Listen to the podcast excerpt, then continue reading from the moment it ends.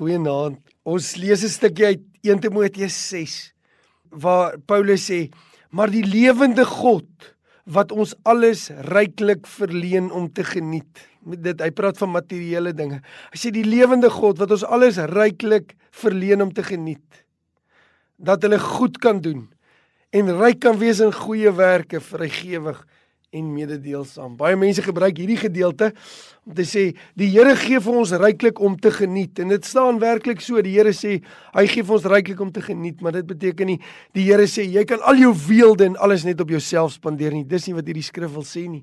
Hierdie gedeelte wil sê dit wat Prediker 2 sê, niemand kan geniet sonder die Here nie. Hierdie gedeelte wil sê maak nie saak wat jy het of watter materiële dinge jy kan nie geniet sonder die Here nie.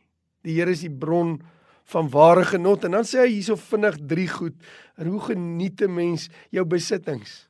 Die Here gee dit vir jou om te geniet, maar hoe doen jy dit? Hoe moet jy dit geniet? Hy sê eers deur goed te doen.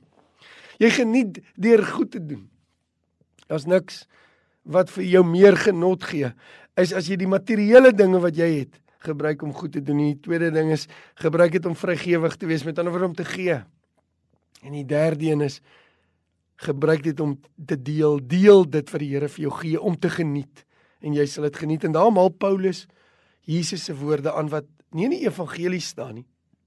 En dit is om te sê dit is saliger om te gee as om te ontvang. Nou ek kan daarvan in my lewe getuig. En en miskien het jy 'n gebrek aan vreugde omdat hierdie beginsel nie in jou lewe goed genoeg funksioneer nie.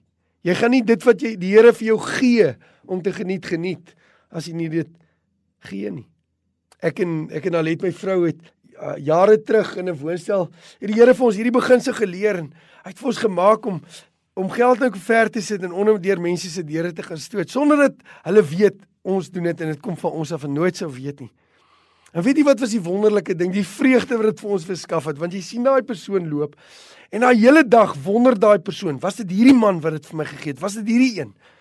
En sy hele lewe verander as gevolg van 'n anonieme ou koevertjie wat onderdeur sy deur gestoot het. Dit was so groot vreugde vir ons. Dis inderdaad wat die Heiland sê, dis baie meer salig om te gee as om te ontvang. John Wesley sê oor hierdie punt. Hy sê doen al die goeie wat jy kan.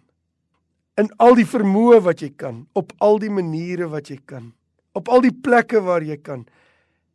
Elke keer wanneer jy kan, aan al die mense wat jy kan, solank as wat jy kan. Dit is vreugde en genot. Mag die Here u seën. Amen.